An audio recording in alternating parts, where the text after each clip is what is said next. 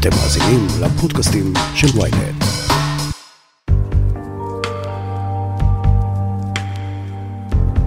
החבורה הזאת, אטילה, מסוכנת מאוד, מאוד. היא מדירה שינה אה, מעיניהם של המחלקה היהודית בשב"כ. אירוע שלהם שבקלות יכול אה, להסלים עלול לגרור כאן אסקלציה מטורפת אה, ביהודה ושומרון. וזה משהו שגם יכול להגיע לאיזושהי מערכה הרבה הרבה יותר גדולה. ראינו את זה כבר קורה, גל טרור שמתפרץ כתוצאה מאירועים אה, של אה, תג מחיר, כלומר זאת חבורה מסוכנת מאוד.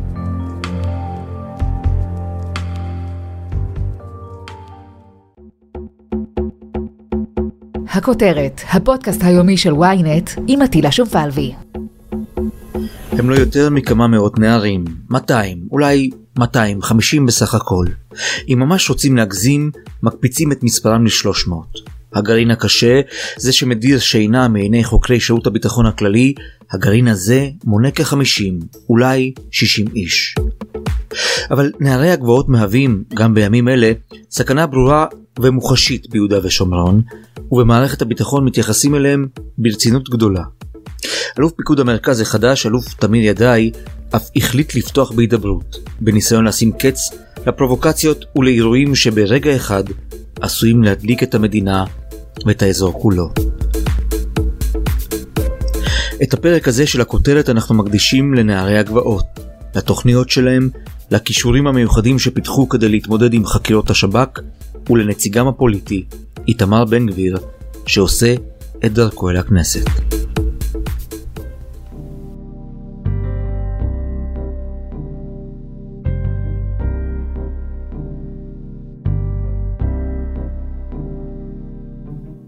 אלישע בן קימון כתבנו ביהודה ושומרון, אלוף פיקוד המרכז מבקר את נערי הגבעות על גבעה? מה קרה כאן? מה פספסנו? נכון, זה באמת אירוע מאוד מאוד חריג, אירוע שלא ראינו אותו בטח בשנים האחרונות. אני לא זוכר דבר כזה. אה, מגיע אלוף פיקוד המרכז, בעצם האוטוריטה אה, של כל התש... של כל אה, יהודה ושומרון, מגיע בעצם לגבעה מעוז אסתר שמה, ששם נמצאים גבעונים, נערי גבעות, עשרות מהם. אגב, על הגבעה הזו יש צו, אה, צו פינוי תלוי ועומד, כלומר זה נבנה שם באופן בלתי חוקי לחלוטין. ושם הוא בעצם פוגש נערי גבעות לא רק מאותה גבעה אלא גם אה, מגבעות אחרות שמאוד מוכרות גם לשב"כ, גם למפלג לפשיעה לאומנית של מחוז ש"י, ומנהל איתם שיחה, שזה אירוע בפני עצמו. א', שאותו אלוף מגיע לאותו תא שטח, ב', גם, מה, גם uh, מהכיוון של הנערים עצמם, כלומר, גבעונים אה, לא רצו לפגוש בכלל אה, לא אנשי מינהל אזרחי ולא קצינים בצה"ל. כלומר כל האירוע הזה וכל המפגש וכמובן איפה שהוא קורה זה אירוע דרמטי וחריג מאוד. מי יזם את זה? פשוט הגעה, זה בעצם התחיל להתגלגל אחרי גל אירועים מאוד מאוד אלימים שהתרחשו ביהודה ושומרון של נערי גבעות, אנחנו מדברים על כמעט מאז האירוע שבו נהרג אהוביה סנדק, אה, זכרו לברכה, אנחנו מדברים על כמעט אה, קרוב ל-50 אירועי אלימות, שבהם נפצעו שני ילדים פלסטינים, ואז בעצם החל איזשהו שיח הידברות כדי להרגיע את השטח בין ההנהגה המקומית, אנחנו מדברים על מועצת אה, בנימין, קצת במועצת שומרון, יחד עם ההנהגה הצבאית, והם בעצם רתמו את כל האירוע הזה, אבל עצם זה שהסכימו כאן שני הצדדים, להגיע וגם, וגם להיפגש, זה אירוע שהוא מאוד מאוד אה, משמעותי. עכשיו, מה בעצם היה שם? בעצם אה, כל אותם הנערים באים ואומרים, אה, אנחנו רוצים להתיישב כאן, להישאר על הגבעות, אל תטרידו אותנו בצווי מעצר, צווי הרחקה וכולי. מן הצד השני אומר אלוף הפיקוד, אני רוצה לעשות לזה סוף. אני לא כמו כל האלופים הקודמים, אם אנחנו מדברים על אה, ניצן אלון ורוני נומה וכולי, שהתעלמו מאותו כוח שבעצם נמצא בגזרה, והוא בא ואומר אני רוצה לנסות לפחות להגיע איתכם לאיזושהי הסכמה, הבנה מסוימת, שאפשר גם אחרת, כי הרי אנחנו מכירים את, את אותם המשחקים של חתול ועכבר, כלומר אתם בונים, אנחנו באים הורסים, אתם עושים תג מחיר, אנחנו מרחיקים אתכם, השב"כ נכנס לתמונה, חקירות וכולי וכולי. והוא בא ובאיזשהו אופן מנסה ליצור כאן איזשהו סוג של תמהיל אחר, לנסות לפתור את זה. מה הפעילות השוטפת של נערי הגבעות? מה הם עושים ביום יום? האם כל הזמן הם מחפשים מטרות? כיצד לפגוע בערבים? במטעים של ערבים? מה, מה הם עושים כל היום? ננסה לחלק את זה. אנחנו מדברים על נערי גבעות סביבות, אה, לא יודע, בערך 200-250 אה, נערים, שבעצם פרוסים לכל אורך רחבי יהודה ושומרון, אני מדבר איתך מדרום הר חברון ועד בעצם אה, לצפון השומרון.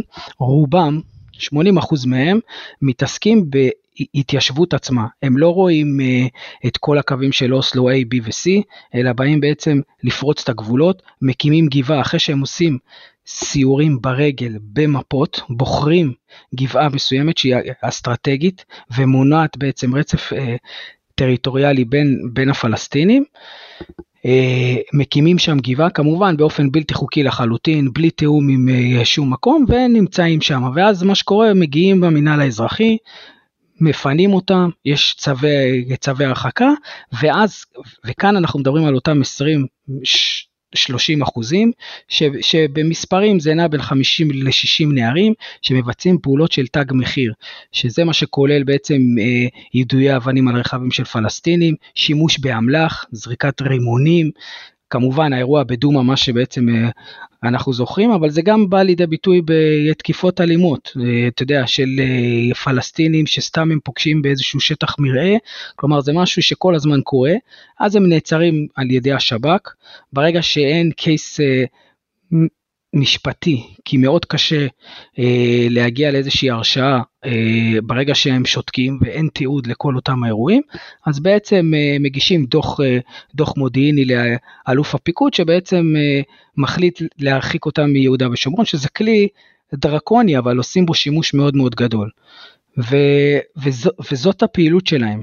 עכשיו, כדי בעצם לעצור את משחקי החתול והעכבר הזה, הגיע אלוף הפיקוד אה, ידיי ובעצם אומר בואו רגע אחת נעצור את זה אוקיי אנחנו לא עוד פעם אנחנו נרדוף אחריכם ואז אה, אתה יודע נגיע לכל מיני נקודות אחרות אלא בואו ננסה את זה אחרת להגיד לך עוד פעם אם זה באמת יקרה או לא מאוד mm-hmm. מאוד קשה לדעת בטח לא עם אותם 20 אחוזים שעליהם דיברנו שהם מאוד אלימים. יש עם מי לדבר שם או שכל הרזון דאטרה כל הקיום של הקבוצה הזו היא בעצם ההתגרויות האינסופיות האלה מזה הם בעצם קיימים, זה, זו הסיבה שלהם להתקיים. תראה, השאלה הזאת היא מאוד מדויקת, כי הרבה שנים מתחבטים בזה גם הנהגת המתנחלים וגם uh, כל האנשים בשב"כ וגם, ב, וגם uh, ב, ב, בצבא וכולי.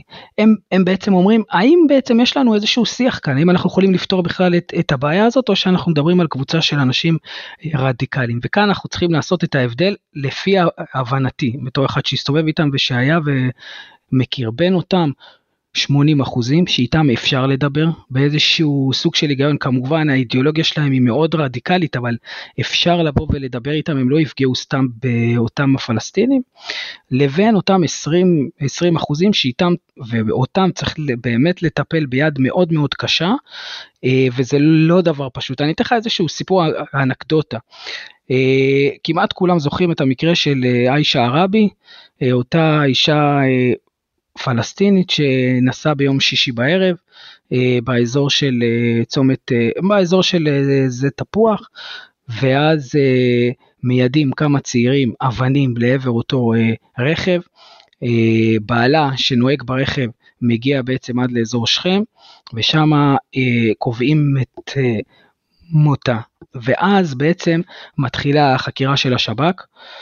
עוד באותו יום שישי קופצים, או, סליחה, עוד, עוד, ב, עוד באותה שבת מגיעים אה, לאותו אזור ברחלים, איפה שהיה את אותה זריקת אבנים, מגיעים לשם כמה, אה, כמה דתיים, בעצם כמה מתנחלים מהאזור ועושים הדרכה ממש לאותם נערים איך להתנהג באותה סוג של חקירת שב"כ במידה והיא תבוא. ובאמת הגיע מוצאי שבת, פשטו על, ה, על הישיבה, ותשמע מה בעצם היה שם.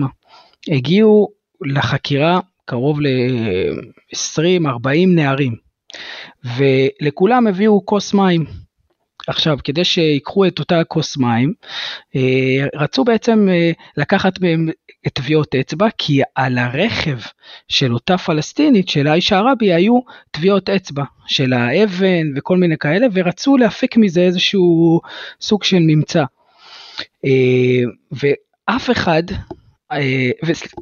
וכמעט כולם נגעו בכוס, חוץ משניים שהיו על הרדאר של, של השב"כ, כלומר שניים שכבר היו בתוך המאגר, שידעו מי אלה ושהיה קל להגיע אליהם, רק הש, השניים הללו לא נגעו באותה כוס מים.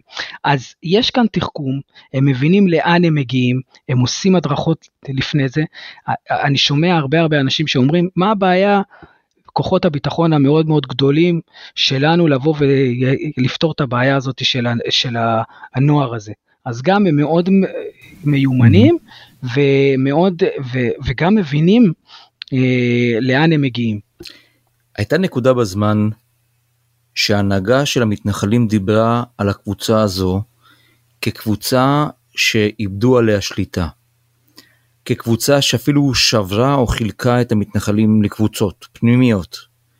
האם זהו עדיין המצב? האם עדיין יש קבוצה בזרם המרכזי שמגנה על נערי הגבעות? תראה, יש, אם אני עושה הפרדה בין ההנהגה היותר ממלכתית של הגוורדיה שמאוד מוכרת בהנהגת המתנחלים, אם אה, אנחנו מדברים על פנחס ולרשטיין שהיה יושב ראש מועצת יש"ע היום מייעץ גם לנתניהו, אה, אבי רואה שהיה יועץ אה, לענייני ביטחון של נתניהו והיה גם אצל גנץ, כל האנשים האלה הם באמת אנשים של הגוורדיה, אתה יודע, של אנשי עופרה המאוד ממלכתיים והם נגד כל אותם נערי הגבעות, אבל יש בתוך ההנהגה גם אנשים שפוזלים לאותם הנערים ואומרים תבואו לעזור להם. כלומר הם לא הם לא אשמים מאוד קשה מאוד קשה להם לגנות אותם הם מגיעים לאותם אה, גבעות והם בעצם אה, לא הייתי אומר שהם נותנים להם דלק אבל הם לא מפנים להם עורף ובעצם מוקיעים אותם. עכשיו יש אה, הרבה ביקורת כלפי אותם אותם אנשים, אני יכול להגיד לך שהם מאוד מחוברים לצורך העניין אה, לבצלאל סמוטריץ' למשל. הם אה, הרבה פעמים כשהם עושים קמפיינים הם אה, פונים אליו, גם לפייגלין. שהביאו אותו אה, לגבעה בקומי אורי שיש עליה צו, אה, אה, צו אה, של שטח צבאי סגור, כלומר הם מנסים לקבל את הלגיטימציה הזאת מנבחרי ציבור, אבל בהחלט יש פער בין הגוורדיה הזאתי אה, היותר בעצם של הממלכתיות ושזורמת עם, עם ההנהגה אה, לבין אותם חבר'ה בעצם אה, שזורמים איתם ושלא מפנים להם עורף, שהם לא בעצם עוצרים אותם מה, מהמעשים שלהם. כמובן שכלפי חוץ הם יבואו ויגנו וכולי, אבל הם לא, אבל הם לא עוצרים את זה מבפנים. כלומר, יש גם בתוך הנהגת המתנחלים יש את אלה ש...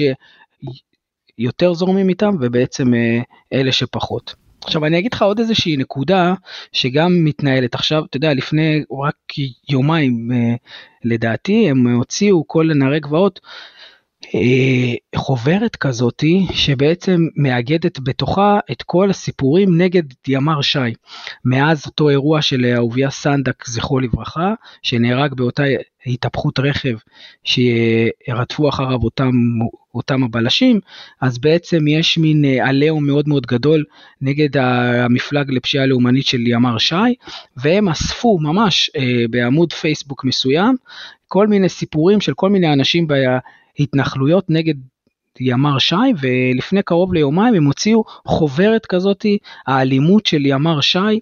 באמת אה, הכל במטרה לנסות לסגור את אותו סוג של מפלג אה, פשיעה לאומנית אה, שמתקיים שם. כלומר הם מנהלים בקמפיין מאוד ממוקד מאוד מדויק נגד הימ"ר.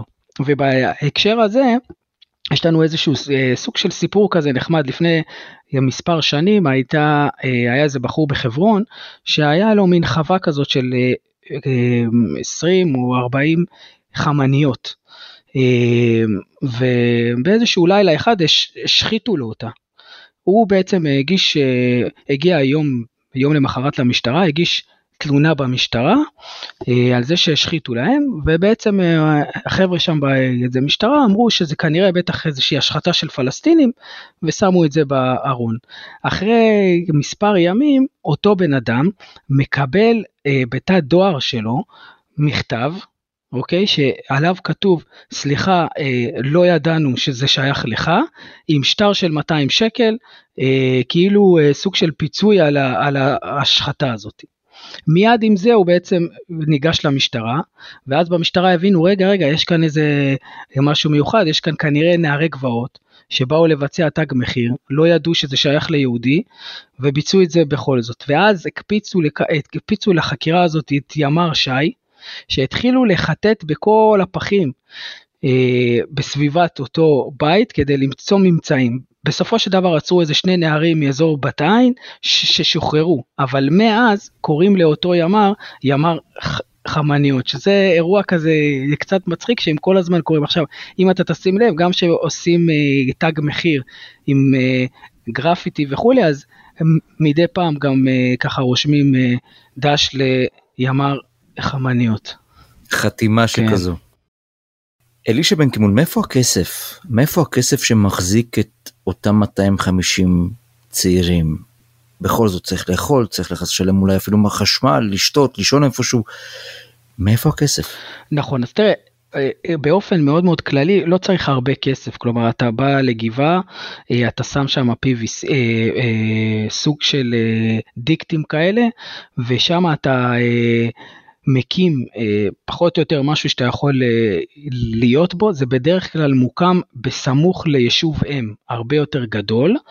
אם אנחנו לצורך העניין אה, לוקחים את, אה, את אה, מעוז אסתר למשל, שהוא ליד היישוב שילה, או כוכב השחר, ואז אותו יישוב אם בעצם מעביר לך אה, מים, תשתיות מים וגם קצת חשמל אה, באיזה גנרטור וכולי. יש עוד תופעה שקורית, אוכל, כלומר יש המון המון תושבים מאותו יישוב אם, שמביאים להם אוכל גם אה, לאותם אה, נערי גבעות, שהם מבחינתם תופסים את השטח, ובעצם מממשים את האידיאולוגיה הזאת. אז לא פעם אתה תראה אנשים שעולים עם סירים מה, מהיישוב למטה אל, אל הגבעה, גם בדרך כלל זה יותר נהוג בשישי בערב, היום שבת, שאז גם עושים אה, את כל הטיולים האלה.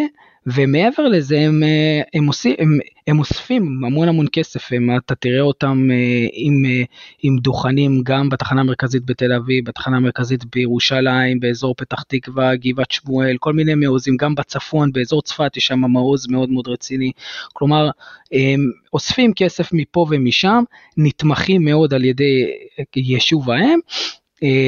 ומזה פחות או יותר הם, הם חיים. עכשיו ולא צריך אתה יודע הם, הם גם לא חיים בתנאים מיוחדים. יש שם נערים שבאים הם מדליקים אש אה, בשביל שיהיה יהיה להם חם. לפעמים עדר אחד או, או שניים או, או אוכל מאוד מאוד פשוט פסטות וכאלה ואז הם זורמים קדימה. איתמר בן גביר כנראה בדרך לכנסת. האם אפשר למתג אותו כנציגם של נערי הגבעות? האם הם רואים בו את נציגם? איתמר בן גביר הוא uh, מאוד מזוהה עם נערי הגבעות, גם בעיקר בגלל התיקים שהוא ניהל עבורם, הוא ייצג לא מעט uh, נערים, אם אנחנו זוכרים גם המפורסם שבהם זה כמובן אמירם בן אוליאל uh, שהורשע ברצח uh, בדומא. ועוד המון המון לאורך הזמן, הוא גם uh, עושה סוג של תג מחיר כלכלי הפוך, כלומר ברגע שהמשטרה עוצרת אה, שלא בצדק אה, נער גבעות או בעצם מבצעת משהו שהוא לא חוקי אה, לנערי גבעות, אז, אז זה איתמר בן גביר בעצם מייצג את אותו נער גבעות ומצליח להוציא המון המון פיצויים, הוא, הוא עשה מזה המון המון קופות, זה בפן הזה. שזה לגיטימי בסך הכל. לגיטימי לחלוטין, כן, הוא עשה מזה קריירה מאוד מאוד טובה, הוא גם טוב בזה, הוא הוציא הרבה כסף מהמשטרה. עכשיו, אבל לא כולם איתו. כלומר, יש גם כאלה שמפנים גם ביקורת אה, להתנהלות שלו, אבל הוא בהחלט מאוד מאוד חזק, מאוד אוהבים אותו בגבעות, וה... ובמידה והוא בעצם ייכנס לכנסת, אה, תהיה כאן השפעה מאוד מאוד גדולה ומעניינת גם על, על אותם הפינויים. ועוד נקודה חשובה, במידה ויהיה איזשהו תיק מאוד מאוד גדול, שבמחלקה היהודית בשב"כ יתחילו לחקור, כמו שראינו עם, עם פרשת העינויים, so called, ב, ב, לא, לא so called, אנחנו ראינו שבאמת היו שם עינויים בכל הסיפור של דומא, כאן איתמר בן גביר, זה, אה, כל, כל הבלגן שהוא עשה אז, זה עם כל ההפגנות מחוץ לבית של שקד וכל הדיבורים עם היועץ המשפטי לממשלה וכולי, היו אז כשהוא היה רק עורך דין. תחשוב מה זה כשהוא אה, חבר כנסת או אפילו גם יושב ראש ועדה במידה והוא יקבל, אה, מה הדברים האלה בעצם, לאן הם יכולים לקחת אותנו בהיבט הזה. בוא נדבר טיפה על התחכום של נערי הגבעות כשהם כבר מגיעים לחקירות שב"כ הם יודעים מה לעשות. הרבה מאוד פעמים הם מתסכלים את החוקרים שלהם בלי סוף כי הם יודעים מה להגיד ואיך להתנהג ובעיקר איך לשתוק. לגמרי, תראה, אנחנו לפני כמה זמן ישבתי עם כמה חוקרים מהימ"ר והם הסבירו לי שהם מאוד, הם, הם, הם, הם באיזה סוג של בעיה. עכשיו אני מסתכל עליהם ואני אומר להם מה הבעיה, אתה יודע, לבוא. לחקור נער צעיר, טיפה להפחיד אותו מפה ומשם, הם, הם כבר חקרו מחבלים, חקרו אנשים הרבה הרבה יותר רציניים, מה הבעיה, אתה יודע, לבוא ולעשות את זה. ואז הם בדיוק מספרים על, על התחכום הזה, כמו שהזכרנו קודם עם אותה פרשה של עיישה אה, ערבי, אותו סיפור עם, ה, עם הכוס, הם באים והם יודעים בדיוק מה להגיד ועוד יותר מזה מה, מה לא להגיד. נועם פדרמן, אה, מחברון, דמות מאוד מאוד ידועה שהוציא את אותו ספר אה, שבעצם אה, בדיוק מסביר מה עושים בשב"כ וחקירות השב"כ ומה זה אה, ואיך בדיוק להימלט ומתי לדבר ומתי לא לדבר ואיך להגיד, כלומר הם מאוד מיומנים, שומרים אחד על השני, למעט האירוע בדומא שבעצם הצליחו לשבור את אותו קטין כדי שיפתח בעצם על אמירם בן אוליאל, אבל כל, כל האירועים, גם בסיפור של האישה הרבי, וגם אה, וגם בסיפורים של כנופיית האזור הזה של איזה אה, נחליאל שבסוף הורשעו כן? אבל בסופו של דבר הם, הם לא פותחים אחד על השני הם יודעים באמת להשתמש בזכות השתיקה באופן מאוד מאוד בולט והם יודעים בדיוק מתי החקירה אה, אה, מתי אין אין קייס עכשיו עוד דבר חשוב האירועים הללו הם לא הם לא מתרחשים אתה יודע ב, ב, אלנבי ובבן יהודה שהכל שם מצולם ויש עדי ראייה וכל אחד יכול להרים את הפלאפון שלו ולצלם. לפעמים זה אירועים שקורים במקומות שאף אחד בכלל לא מגיע אליהם, על גבעה חשוכה או על מקום איזשהו, או באמצע הלילה באופן שאף אחד בכלל לא רואה, ומאוד מאוד קשה להביא, להגיע לאיזושהי הרשעה, ונערי הגבעות יודעים את זה, ממש בימים אלה התחילה חקירת שב"כ, אוקיי, שהתחילה בכל תרועה רמה, עצרו ארבעה אנשים. במקביל בכמה מקומות שונים בחשד לזה שזרקו רימונים אה, באזור של, אה, של השומרון, אבל בסופו של דבר אטילה מכל הסיפור הזה יצא כתב אישום נגד אחד. כלומר כל השאר הם כבר שוחררו וזה היה ברור מההתחלה גם הכתב אישום הזה הוא בתחילו והרחימו ומאוד מאוד ספק אם בעצם יגיעו כאן לאיזושהי אה, הרשעה למעשה מאז דומא אני לא זוכר איזושהי הרשעה mm-hmm. מאוד בולטת שהייתה בסיפורים של תג מחיר כי הם מאוד מיומנים יודעים בדיוק מה לעשות וגם אם הדור מתחלף הוא עדיין מוריש את אותו ידע הזה בחקירות שב"כ אה, לדור שמתחתיו, מה גם שהם מאוד צעירים הם מגיעים לשם, אנחנו מדברים גילאים 13, 14, 15, 16, זה גילאים מאוד מאוד אה, צעירים. מדריכים אותך בדיוק מה לעשות אה, ואתה עושה את זה. לכן אגב אה, בחקירות האחרונות לפחות התחילו להשתמש יותר ויותר בכלי הזה של מניעת מפגש עם עורך דין, שזה כלי דרקוני לחלוטין, אבל עושים בו שימוש בעיקר בחקירות שב"כ. אה, ואז יש יותר מ-24-48 שעות שבעצם אפשר לבודד את אותו נער. לסיכום. לסיכום. יש לנו בעצם אה, שתי נקודות חשובות אה, שכדאי לשים להם לב בהמשך, שלדעתי עלולות להיות סוג של חבית נפץ. נקודה ראשונה זה פינוי שאמור להתרחש כמעט בכל יום, יש כבר צו תלוי ועומד של המאחז מעוז אסתר, זה אותו מאחז שהתגורר בו אהוביה סנדק, הוא הפך להיות סוג של סמל, אם אני מחזיר אותך לתחילת השיחה בעצם, זה אותו מאחז שבו פגש אלוף הפיקוד את אותם גיוונים, אמור להיות שם פינוי כי זה באופן בלתי חוקי אה, נעשה, אי אפשר אה, להתחמק מזה. זה אירוע אחד, והאירוע השני זה בעצם אותה חקירה אה, של אותו מרדף שבו נהרג אהוביה סנדק. מחד, יש לנו את אותה חקירה שמתנהלת במח"ש נגד אותם, אותם שוטרים, שוטרי ימ"ר ש"י, שאנחנו לא יודעים אם הם יעמדו לדין או לא, ומן הצד השני יש את אותם נערים שבכלל התחילו וחוללו את כל האירוע הזה בהתחלה לפחות לפי אותו דיווח שהם אה, יידו אבנים על רכבים של פלסטינים ואז בעצם התחיל כל אה, אותו, אותו המרדף. אז גם אם יהיה כתבי אישום כאן או כאן ופינוי אה, של הדבר הזה, כל זה עלול לבוא ולהתסיס את השטח. אלישע בן קימון כותבנו, תודה רבה. תודה.